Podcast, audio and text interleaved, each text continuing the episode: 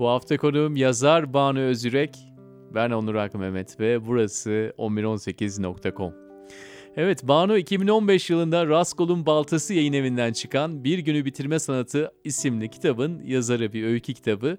Sonra Şubat 2019'da da yine bir öykü kitabıyla çıktı. Everest yayınlarından çıkan Poz. Evet, Poz'un tanıtım yazısında şöyle yazıyor. Şu an kitap elimde okuyayım size. Kentlilerin de hakiki dertleri, tasaları, neşeleri, acıları vardır diyor. Özürek işte buradan konuşuyor diyor. Evet Banu Özürek 15 yıl çalışmış kurumsal hayatta. Oradan arta kalan vakitlerinden bir dünya yaratmış ve öyküleriyle de bizi o dünyaya davet ediyor.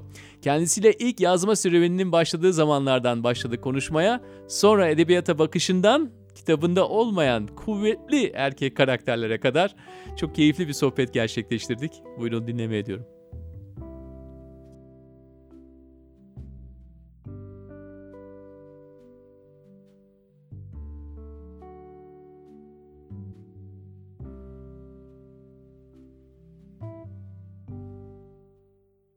Kitabını 13 yaşına yazdığın doğru mu? evet aslında e, o çok e, bilmiyorum anlata anlata insanları sıktığım bir hikaye haline gelmiş olabilir. Daha önce birkaç söyleşide de bahsettim. Başka bir çünkü. şekliyle anlat burada o zaman. Ama e, şöyle söyleyeyim. Şimdi ben neden bilmiyorum yazmayı çok seviyordum e, çocukluğumdan bu yana. Ne yazıyordun Hepsi. peki çocukluğunda? Önce anneme şiir yazıyordum. Anneme şiirler yazıyordum. Ee, tuhaf tuhaf şiirler. Sonra nedense şiir e, sevdam e, bir tip hikayeye döndü. E, hikaye anlatma ihtiyacı duymuşum. Ya bir e, ifade ihtiyacı, kendini ifade ihtiyacı ya e, da işte içinde e, yaşadığım dünyanın e, yeterli olmaması, başka bir dünya yaratmak, e, başka bir şeyler e, kurmak. e, Neredeyiz bu arada? hevesi. İstanbul'da mıyız? İstanbul'dayız. E, ve hikayeler yazmaya başladım. E, bunlardan bu bahsettiğiniz 13 yaşındaki ilk kitabım da e, babamın bana bir daktilo hediye etmesi e, sonucu ortaya çıktı. E, Ben o daktiloya aşık olmuştum yani çok başından kalkmıyordum. E, sürekli yazıyorum parmaklarım morarıyor artık artık nasıl yazıyorsam nasıl bilmez bir halde vuruyorsam o tuşlara. E, bantlar sarıyorum yara bantları yazmaya devam ediyorum falan böyle e, çok e, tutku dolu bir ilişkimiz vardı o daktiloyla. Ve Marintalı Çocuklar isimli e, hikayemi yazmıştım. Çok da uğraşmıştım onunla. Ona kapaklar yaptım. İşte e, sayfalarına resimler e, çizdim. Hikayeyi resimledim yani aynı zamanda e, vesaire. E, üzerine tarih falan da ciddi yani oradan biliyorum hani kaç yaşında yazdığımı bunu. Yoksa benim zaman mefhumum e, çok kötüdür. Ama işte üzerine tarih işte yazmışım, notları almışım. Oradan e, senesini çıkarabiliyoruz. E, sonra yine yazmaya devam ettim. Çünkü e, kuzenimle okuyoruz ve kuzenim çok eğleniyor. Nasıl okuyorsunuz? Yani e, Okuyorum dış- ona. Beraber sen kendi hikayeni kuzenine okuyorsun. oturuyoruz yan yana ve ben başlıyorum okumaya. Sonra beraber kakarak ikili gülüyoruz, gülüyoruz, gülüyoruz. Ay diyorum o böyle tepki verdikçe benim de hoşuma gidiyor. Ne güzel e, bir şey oldu falan işte bir e, dinleyiciniz var etkileniyor. İşte on, zaten e, yani sonuçta yazmanın e, etki uyandırmak gibi bir e, tarafı var. İnsanlarda bir şey paylaşmak ve onların üzerine bir etki uyandırmak istiyorsunuz. E, bunu işte küçük yaşta e, tadını alınca bırakmak istememişim herhalde. Çünkü e, sonra hep e, ara versem de ve çok disiplinli olmasam da hep devam ettim yazmaya. İşte e, duygu dünyanızda bir takım e, inişi çıkışlı e, olaylar vesaireler yaşandığında yazıyorsunuz. Ya da e, yine e, kendi e, kafanızın içine çekilip bir şeyler e, var etmek istediğinizde yazıyorsunuz. Sonra e, yazma ihtiyacı da zamanla ihtiyacınız yani e, o ihtiyacın kaynağı e, değişiyor. E, yazıya bakışınız değişiyor. Farklı ihtiyaçlarla artık hikayeleri e, kurmaya başlayabiliyorsunuz. Bir zaman e, sizin için sadece bir ifade aracıyken yazmak e, daha ileriki bir süreçte benim için örneğin öyle oldu. Bir e, düşünme ve anlama e, süreci olarak e, yaşadım ben bunu. Yani öyle o e, o gözle, o anlayışla yaklaştım yazıya.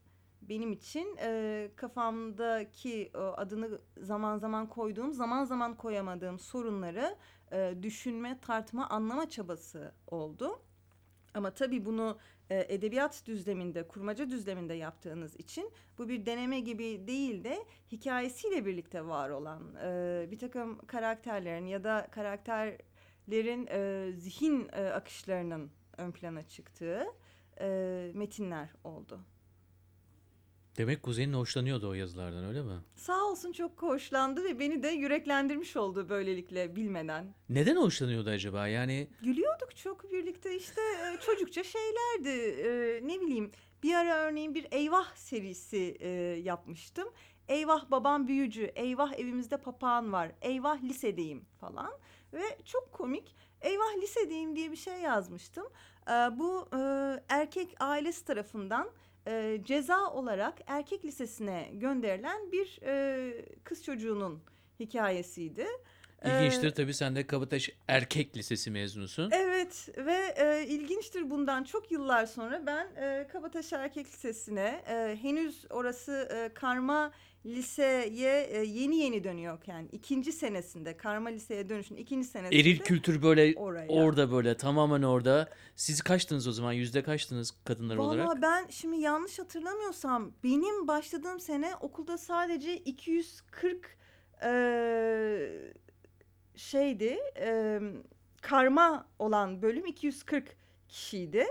E, dediğim gibi rakamlar çok emin değilim ama bir 240 var kafamda. Sadece bizim dönemimiz miydi yoksa bizden bir dönem yani bir sene öncekilerle birlikte mi 240'tık onu bilmiyorum. Bunun kalanı yine sayıyı bilmiyorum ama üf, herhalde bin, bir şeydir. E, erkekti sadece erkekti. Benim için çok korkutucuydu tabii. Çünkü biz e, okula geldiğimiz zaman e, ellerinde meşalelerle kabataş erkektir erkek kalacak diye bağıran e, yüzlerce erkek vardı ve ben yani kaç yaşındayım işte 13-14 mü oluyor liseye başladığımız yıllar işte o yaşlardayım.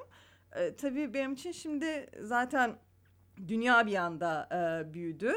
Çünkü e, daha küçük bir yerden, daha küçük bir semt okulundan kendi semtimden çok daha uzakta, çok kalabalık ve işte e, ergenlerin yetiş, yetişkinliğe adım atanların belki e, diyebileceğimiz o yaşların e, insanların olduğu bir e, dünyaya adım atmış oldum.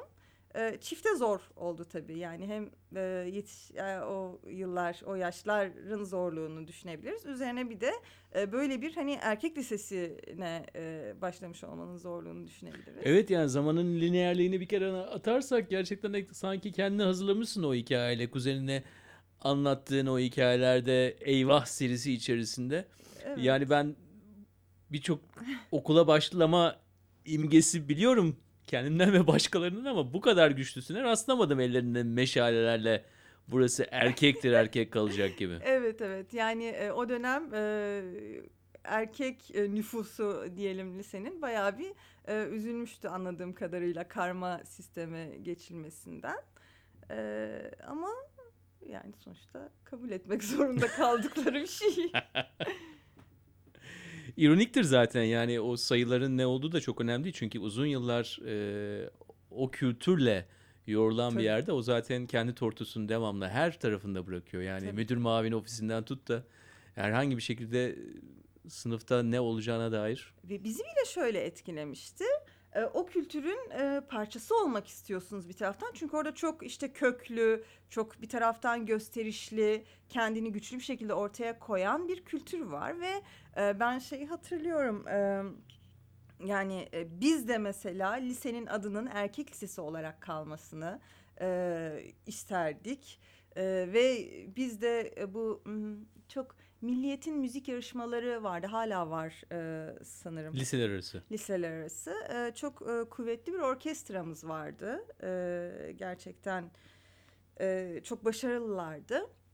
Ve onları e, desteklemeye gittiğimiz zaman biz de kendimizden geçercesine bağırıyorduk. Kabataş erkektir erkek kalacak falan diye. Şimdi dinleyen belki e, olursa o yıllardan o şeylerden e, erkek nüfustan birileri belki ne diyor bu diyordur ama bu tabii aslına bakarsanız yani saçma sapan bir şeydi. Bizim orada kızlar olarak bu şeye bu kültürün cazibesine kapılmamız ve onun bir parçası olmak istememiz tamamen yani o gücün e, şeyi cazibesi ve e, bunu e, o yıllarda pozitif bir şey olarak kodlamanızla alakalı tabii.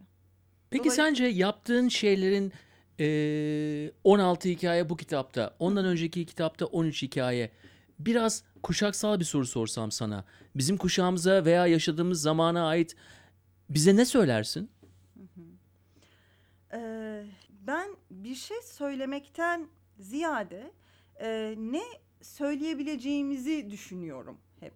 Ya da e, ne hissettiğimizi, ne yaşadığımızı anlamaya çalışıyorum. Yani benim e, çok net e, tespitlerim ve e, tahlillerim yok her konuda. Yani var olanlar var ama e, daha ziyade yazım da öyle, e, kendi e, düşünce yapım da öyle. E, hep e, ne yaptığımızı anlamaya dönük bir çaba.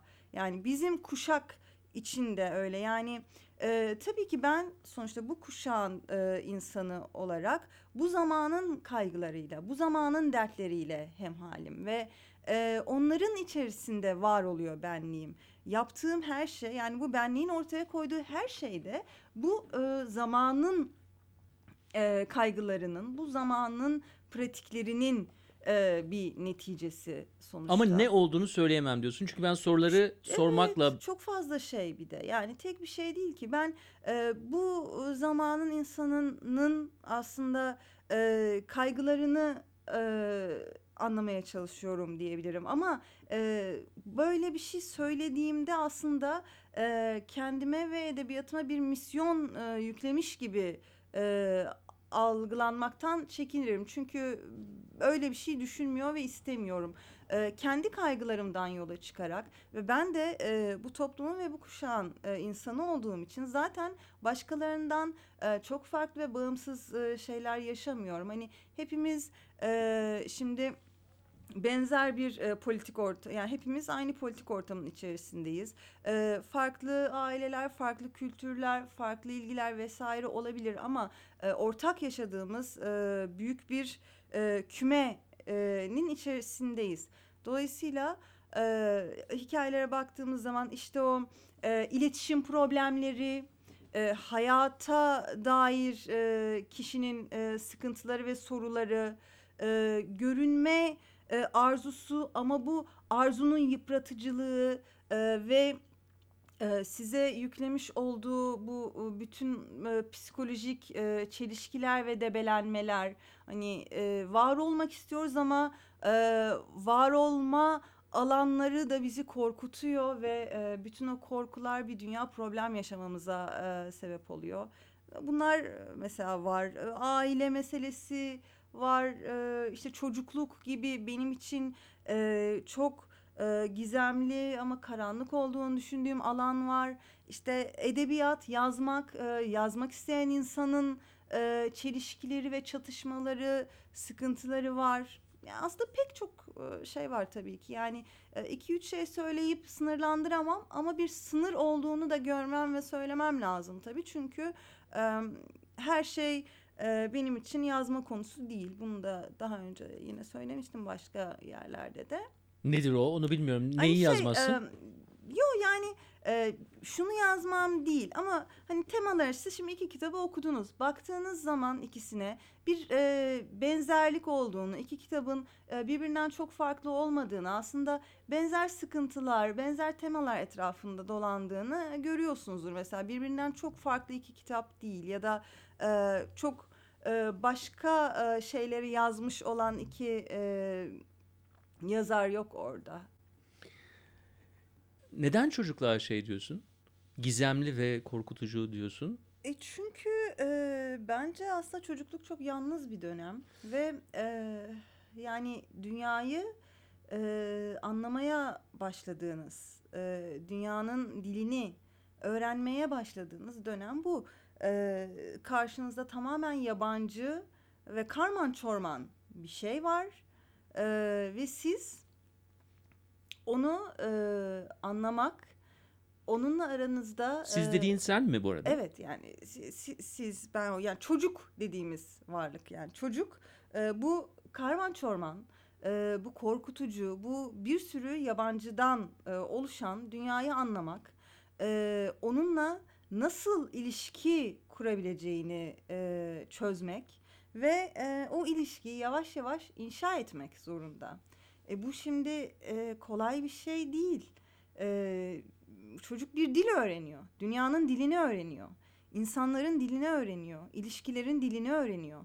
Ve e, bütün e, bunları aslında tek başına öğreniyor. Tek başına keşfediyor. Yani e, ona hani e, rehber olacak e, birileri olsa da etrafında e, dünya birilerinin rehberliğinde keşfedebildiğiniz bir yer değil aslında. Hep kendi tecrübenizle e, ilerlediğiniz bir yol bu. E, dolayısıyla çocuk işte rehberi olsa da olmasa da çok işte avantajı vardır illaki belki anlayan dinleyen bir aile içinde olmak vesaire ama olsa da olmasa da bence bu yolculuğu tek başına yaşıyor.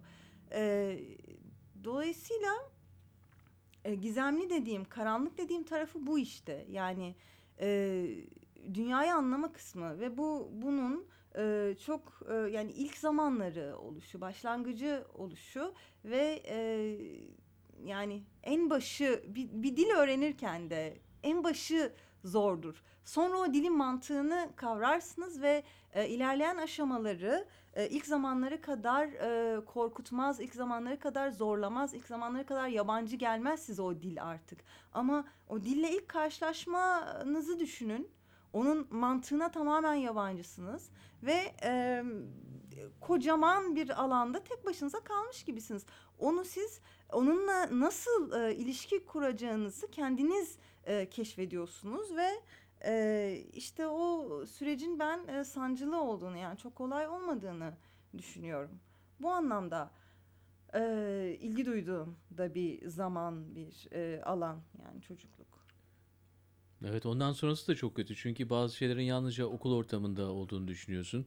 İnsanların birbirine karşı gaddarlığı ve garip garip hiyerarşilerin ortaya çıkması. Aa, bunlar herhalde yalnızca bu zamanda oluyor. Çünkü biz biz böyleyiz yani. Biz çocuğuz zaten. Evet. Birbirimize böyle çok acıtır zaten çocuklar birbirini. Tabii tabii. Çok fazla. yani. Bunun bir Müthiş noktada gaddarlık vardır. tabii. müthiş gaddarlık vardır ama bir noktada kesileceğine dair de böyle bir garip bir umut vardı bende. Ama zamanla görüyorsun ki halbuki gerçekten de bir alıştırmaymış yani. Ondan sonra çıktığın yerde oho diyorsun bunun Kan çok daha gövdeyi fazla götürüyor. ya, kan gövdeyi görüyor millet yani birbirine girmiş vaziyette. Ve e, kaçış alanı da yok yani eve gelince böyle öğlen saatinde sana bilmem ne tost yapan süt yapan da birisi yok yani. O, ya onun eşgüdümleri neyse yani. Daha da yalnız olduğunuz bir dönem diyorsunuz ama işte aslında e, zaman içerisinde en azından o yalnızlıkla e, baş etmek için bir takım e, şeyler, e, formüller bulabiliyorsunuz. İşte çocukluk bunları yeni yeni keşfettiğiniz bir zaman olduğu için biraz e, şey geliyor, acı ve çetin geliyor bana. Peki duygusal ilişkilerde e, sence sence e, yaşadığımız toplumun bizim için getirdiği en büyük çatışma nedeni nedir? Biraz bizim toplumumuzdan gidelim. Yani e, kendimiz olma meselesi çok e, temel bir mesele zaten. Yani bütün e, ilişkilerde de hep e, sıkıntısını yaşadığımız e, şeylerden biri bu. E, ama nedir e, kendi olmak zaten? Hani öyle de bir sorun var. Yani kendi olmak diye bir şey var mı? Ya da o kendiyi neler oluşturuyor? E, büyük oranda tabii başkaları oluşturuyor bu kendiyi. E, o yüzden e, duygusal ilişkilerimizde ve yaşadığımız temel sıkıntı da bu bence. E, yani şimdi çok tabii bu çok aslında şey büyük bir soru. Yani ben bunu bir yerinden şimdi tuttum cevaplamaya çalışıyorum ama bu çok büyük bir soru. Yani bunun şimdi nasıl söyleyeyim? Şimdi kadınlar açısından farklı e, kendilik problemleri var. Erkekler açısından başka, e, LGBT bireyler bambaşka e, yaşıyor bu sıkıntıyı ya da o işte e, duygular, duygusal ilişkilerdeki ya da bütün toplumsal ilişkilerdeki var olma e, durumunu. E, o yüzden hani ben dediğim gibi çok küçük bir yerinden söylüyorum ama bence en büyük e, problem hani e, kendini konumlandırma e, ve kendini yaşama e, meselesi. Zaten yani e, ilişkilerdeki zaten hayat dediğimiz şey de ondan müteşekkil olduğu için hayattaki temel problemlerden biri de bu. Peki kendinde en büyük kısıtını ne gördün? E, kısıt derken... Yani em, 20-25 bin gün yaşıyoruz ve dediğin bir strüktür içerisinde günleri dolduruyoruz ama zamanla kendi kendini keşfederken hangi alanda çok beceriksiz olduğunun farkına vardın veya hangi alanda dedin ki ya gerçekten ben bunu yapamıyorum. pek çok e, alanda demişimdir. Çünkü e, pek çok şeyi e, denedim ve e, beceremeyip bıraktım. Yani e, mesela ben e, bir e, enstrüman e, çalmak çok isterdim. E, hatta bir enstrüman e, çalmak bana böyle edebiyattan da daha e, yapamadığım için belki hani o çok uzak ve yabancı olduğum için ve o hep beni e, kapı dışarı ittiği için e, şey gelmiştir çok cazip gelmiştir. Ama e, bu sizin e, hem işte e, yeteneğiniz hem e, zamanınız hem e, azminiz vesaire yani bütün bunların toplamı e, sonuçta. E, ben e, bu toplamı toplayamadım. Ne ça- Ee, ne çalmaya çalışmıştın? Keman yani çok farklı enstrümanlar başlamış. denedim. Hı hı. Ee, her çocuk gibi orkla, klavyeyle başlayan maceram. İşte başka ufak tefek e, enstrüman, gitar e, denedim. E, bağlama denedim. En son keman denedim. E, olmadı. Uzun e, yıllar sonra tekrar denedim. Yine olmadı. E, çünkü gerçekten öyle onu da yapayım, bunu da yapayım. Ben yapamıyorum. Yani e, belki yapabilen hani öyle on parmağında on marifet insanlar da var ama ben değilim. E, çok istememe rağmen e, beceremedim. Çünkü ona e, ciddi bir zaman ayırmanız gerekiyor. Yani günde iki saat e, en az bir saat iki saat e, hatta bir yeterli olmaz. E, gerçekten o enstrümana vakıf olmak istiyorsanız herhalde e, minimum iki saat ona emek vermeniz lazım. E, ben işten geliyorum saat e, 7'de işte yemektir, ortalığı toplamadır vesaire 8-9 oluyor. E, zaten yorgunum. Ondan sonra ben kitap mı okuyacağım, bir şeyler mi yazacağım, bir şeyler mi izleyeceğim? Hani evde e, başka türlü zaman geçirmek istiyorsam onu mu yapacağım yoksa enstrümanımla mı vakit geçireceğim? İşte bir e, müzisyen olmanız ya da çok daha e, benim hani e, sahip olduğum sevgiden çok daha büyük bir sevgi beslemeniz e, gerekiyor ki o zamanı ona e, ayırabilirsiniz. E, ayırmayınca olmuyor, olmayınca da bıraktım. Çünkü e, keman da bir de çalamadığınız zaman berbat bir enstrüman. Hani e, belki e, piyano ya da işte tuşlu çalgılar e, görece daha tatmin eden sesler çıkarabilir size ama e, keman bu konuda çok e, zalim bir enstrüman. Çalamadığınız zaman e, tamam uzak durmanız, bırakıp uzak durmanız lazım. Evet, hele de hem senin için hem komşular için. Evet. Birisi şöyle yazmış senin için internette. Ee, seviyorum ikili hikayelerini ama ne zaman böyle çocukluğundan veya işte büyük annesinden bir şey olduğu zaman ki onun diliyle söylüyorum bunu tabii ki yazı yazanla e, e, anlatıcıyla oradaki karakter çok farklı tamam bunları biliyoruz zaten ama internette şöyle bir şey söylenmiş diyor ki orada da ayrı bir ısınıyorum demiş. Yani e, yazarın biyografisiyle e, ya da yazarın e, işte kendisiyle e, yazdığı şeylerin çok e, üst üste bilmesi, beraber e, okurların bunu beraber düşünmek istemesi ya da e, düşünme eğiliminde olması e, bizim e, yazma özgürlüğümüz açısından aslında kısıtlayıcı bir şey. Yani e, sürekli mesela şu soruyla karşılaşırız. E, bunlar işte gerçek mi? Ne kadarı gerçek? E, ne Standart kadarı... soru evet. Evet işte hayatınız e, vesaire. Bu başka bir şey şimdi yaşam başka bir şey. Edebiyat başka bir şey. Bunlar ayrı düzlemler. Ya Allah Yani aşkına edebiyat kadar- diyorsun ama yani sonuçta kitap 15 liraya satılan bir kitap. Bence fiyat kalite olarak oranı olarak iyi bir şey ama yani herhangi bir şeyi tüketmekten de çok farklı değil. Yani ben mesela Hayır, tabii yani ben e, edebiyata bir kutsallık asla atfetmiyorum. E, hatta atfedilmesinin onu böyle e, güdük ya da işte sıkıcı e, ne, ne diyeyim böyle uslu talebe formunda bir şeye dönüştürdüğünü düşünüyorum. Hayır yani edebiyatın öyle bir kutsallığı yok. Ah edebiyatımız, ah e, o sevgili bohem yazarlar falan. Hayır hiç e, böyle bir e, sevdam yok, böyle bir düşüncem yok. Olmasının edebiyata da zarar verdiğini düşünüyorum kesinlikle.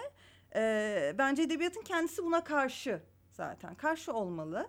E, öyle yaşayabilir, öyle e, değişebilir. Değişmek e, zorunda.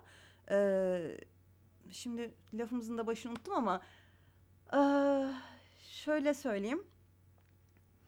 Şimdi ben sana bir şey söyleyebilir miyim? Tabii tabii. Ben Esas nedenini söyleyeyim. Abi şunu söyleyeyim. Yani evet tamam. Kayboldum. Sana sorular Kendi geliyor yani bu gerçekten sen misin? Ha, Senden evet, ne kadar evet, ha, esinlenildi falan. Hı hı. Bu birçok yazar zaten hayatı boyunca bu tür sorularla karşılaşıyordur yani sonuçta. Tabii, tabii. Sokakta ilk sorulan sorulardan Evet. biri olabilir. Ama aynı zamanda cephaneni de harcamak istemiyorsun diyebilir miyiz? Ya şöyle bir şey var. Şimdi bu e, benim için e, yani ben şöyle görüyorum. E, yazdığınız şey e, sonuçta bir başkası yazmıyor. Siz yazıyorsunuz. Yani sizin bilincinizin bir parçası. Sizin bilincinizin ortaya koyduğu bir şey. Elbette e, yaşantınızdan da e, o yaşantının içerisindeki insanlardan, olaylardan, bakış açınızdan her şeyin e, oluşturduğu bir bütün bu. Yani onlardan beslenerek e, onlar sizi var eden onlar olduğu için yazınızı da var eden bütün bu yaşadıklarınız. Dolayısıyla e, hani hayatımızla bizimle hiçbir alakası olmayan e, bir şey koymuyoruz ortaya. Zaten bizden çıkan bir şey. Bu bizim bir parçamız. E, ama işte e, şey vardı. Hep aynı yere dönüyorum aslında. Hep o Kundera'nın o kitabı çok hoşuma gitti. Hep oradan alıntılar yapıyorum. Ee, ama bu da yine Kundera'nın yaptığı bir alıntıydı. Hani kimlerden alıntı yaptığını çok fazla insandan da e, bahsettiği için kitabın içerisinde hatırlayamıyorum ama hani bir karakter yaratmak için e, çok fazla karaktere ihtiyaç var diyordu mesela. Bakın bu hani gerçek mi kurmaca mı sorusu için çok güzel bir cevap aslında. Ee, evet gerçek ama başka bir gerçek bu. Yani birçok gerçeğin e, birleşmesinden, e, dönüşümünden oluşan bir şey. Hani şey de diyorum ya e, bir düşüncem var ve e, bunu yazmaya oturuyorum ama e, sonunda ortaya mesela bambaşka bir şey çıkıyor. Çünkü yazı işte böyle imkanlar sunuyor size. Çünkü o e, gerçekten bir e, düşünme ve var etme alanı. Siz orada e, bir şey düşünerek yola çıkıyorsunuz ama sonunda o düşünceniz çok zengin, e, bambaşka bir şeye dönüşmüş olabilir. Evet yani Ee, burada tabii büyük bir lükse sahipsin yollar. yani tek başına olduğun için ama bunu iki kişi yapabiliyor musun? Mesela yani şu anda e, ben e, baktığım zaman temalardan bir tanesi mesela anda olamamak, kafada olmak, devamlı kafada birkaç tane işte şu- olasılıklar hesabı dedik ona. E, anda olmak da tabii anın öyle bir kendinden vazgeçme hali var ki bu, bu tür hesaplamaların hiçbiri kadraja giremiyor zaten. Çünkü an içerisinde ki an doğayla senin anın olabilir ama hani dramatik yapının her zamanki en basit hali olan iki kişinin karşılıklı olması olabilir ve orada da öyle bir anın ortaya çıkışı vardır ki ikisinden de bağımsız bir şekilde an ortaya çıkar ve artık dizginlerdir, e, edebiyattır, bilmem ne hiçbir şey olamaz zaten. Çünkü anın kendisinde bir büyü var ve bize de ait değil. O senin biraz önce bahsettiğin ilk başta oturduğun ki bunu çok seviyorum. Bunu söyledim bir- birçok yerde. Oturduğun zamanla yapı inşa ediyorsun belki ama sen bir mühendis değilsin yani sonuçta en sonunda tam ne olacağını blueprintini hazırlamıyorsun. hayır hayır tabii ki. Ee, yani o e, tamamen yazın içerisinde aldığınız yolla ilgili bir yapı inşa ediyorsunuz ama e, o yo- e, inşa sürecinde zaten yapının kendi e, dayatmaları da oluyor. Yani tamamen sizin e, kontrolünüzde bir şey değil. Yani ortaya koyduğunuz şeyin de bir gücü, bir dili e, ve bir talebi var. Ee, belki seni konfor alanından çok çıkarmadan da onu sormak istiyorum. Nedir, neden büyük annene ve dedene ithaf ettin bu kitabı? İkisini de yakın zamanda kaybettim. Ee, benim için çok e, değerli insanlardı ve çok e, yakın yaşadığım insanlardı. Çocukluğumda özellikle çok fazla e, zaman geçirdiğim insanlardı ve bana çok şey vermiş insanlardı. Dolayısıyla kayıpları beni çok üzdü, çok etkiledi ve e, bu kitabı da onlara e, atfetmek istedim. Onlara ithaf etmek istedim. Çok şey verdi deyince dizinin dibinde oturup onların hikayelerini mi dinlerdin o anlamda mı? Yo yani e, çok Mesela daha... bir örnek verebilir misin? Tabii yani ben onlardan çok şey öğrendim. Yani beraber çok fazla zaman geçirdik ve e, dolayısıyla hani e, hayat mücadeleme biraz onlarla başladım.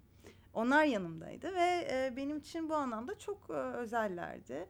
E, okulda örneğin çok basit bir şey hep aklıma gelir bu. E, saatleri öğretmişlerdi işte saat nasıl okunur. Öğrenememiştim. E, bir sabah e, dedem bana sordu e, Banu saat kaç diye. De dedim ben bilmiyorum saatleri okumayı. Hemen bana öğretti mesela. Orada artık yarım saat mi 15 dakika mı bir saat mi bilmiyorum. Dedem öğretti bana saat nasıl okunur o. Hani okulda öğrenemediğim şeyi dedem öğretmişti. E yani e, hani bana çok şey öğrettiler derken sadece böyle e, şeyler böyle hani pratikler değil ama yani hayat anlamında işte yaşama anlamında yani onlarla dedim ya onlarla başladım ben hani hayat mücadelesine ve e, Ne kadar sesin değişiyor bir yumuşak bir hal aldı tabii insan oraya e gidince. tabii şimdi kayıplarının da e, acısı ve hatırasıyla yani konuşmak da çok kolay değil ama e, çok değerlilerdi benim için ve e, o yüzden onlara ithaf etmek istedim. Karakterlerini yazarken e, hiç erkek gözüyle yazdığın oluyor mu? Ee, çok az, çok silik erkekler benim hikayelerimde zaten e, fark etmişsinizdir. Bilmiyorum yani aslında öyle bir e, kısıtım ya da öyle bir e, planlayarak yaptığım bir şey değil bu ama e, kadınları e, yazmak istiyorum ya da kadın ya e, karakterlerim kadın ağırlıklı olarak.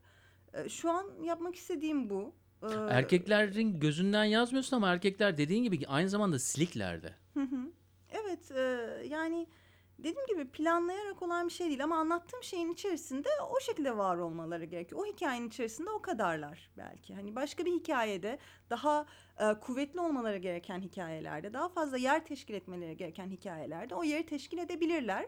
Ama şu an yazdıklarımda yoklar. E, Yani böyle- kuvvetli kadın karakterlerden bahsediyoruz ya onların daha görünür olması. Mesela sende kuvvetli erkek karakterleri yok. Hı hı. Evet e, ya da varlarsa da e, kendileri olarak e, yoklar da o kadının bakışıyla o kuvvetin e, yarattığı sıkıntılarla varlar. Yani o kadının dünyasındaki halleriyle varlar. Dediğim gibi hani şu an e, yapmak istediğim, yapma arzusunda olduğum ve yapma ihtiyacı duyduğum şey bu olduğu için hikayeler bu şekilde ortaya çıkıyor. Ama planlayarak olan bir şey değil. Ya İleride e, başka türlü yazmak istersem öyle yazacağım. Ama şimdilik böyle. Ne kadar güzel bir cevap. Bir erkek bunu bu dönemde bu kadar rahatlıkla cevaplayamaz mesela. Bunun altında kalabilir. Mesela Onun dese ki derdi. birisi ona çok silik kadın karakterleri yazıyorsun dese. Hemen bu böyle kendi muhafaza etmek için böyle müdafaa eder böyle der ki yok öyle değil der. Senin bu şimdi- rahatlığın çok hoş yani. Bu günümüze mahsus bir şey. Yani edebiyat şimdi benim için bir e, görev alanı değil. e, bir proje değil. Kendi e, arzularım, sevgim ve ihtiyacımla e, var olmasını istediğim bir şey. E, dolayısıyla ki öyle olduğu zaman da iyi olduğuna inanıyorum. O yüzden e, bir yazarın her e, meseleyi yazmasına ben mesela mesafeliyim.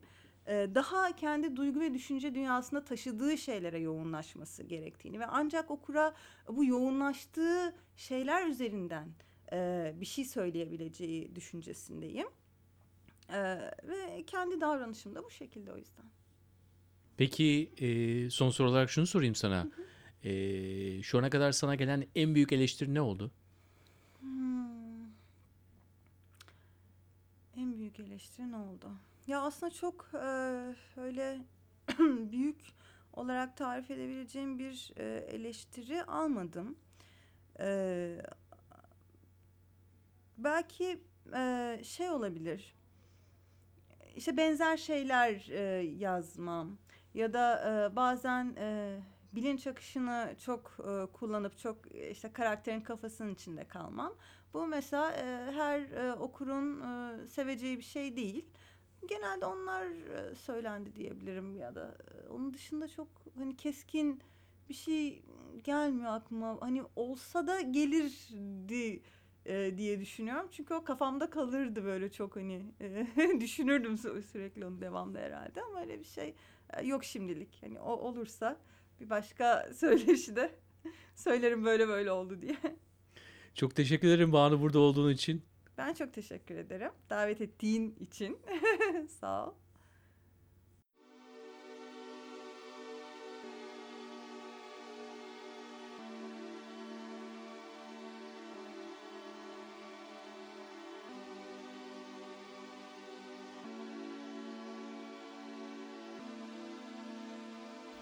Evet Banu'ya bize bu sohbette içtenlikle yazdıklarında nelerden beslendiğini ve edebiyata ve hayata nasıl baktığını anlattığı için teşekkür ediyorum.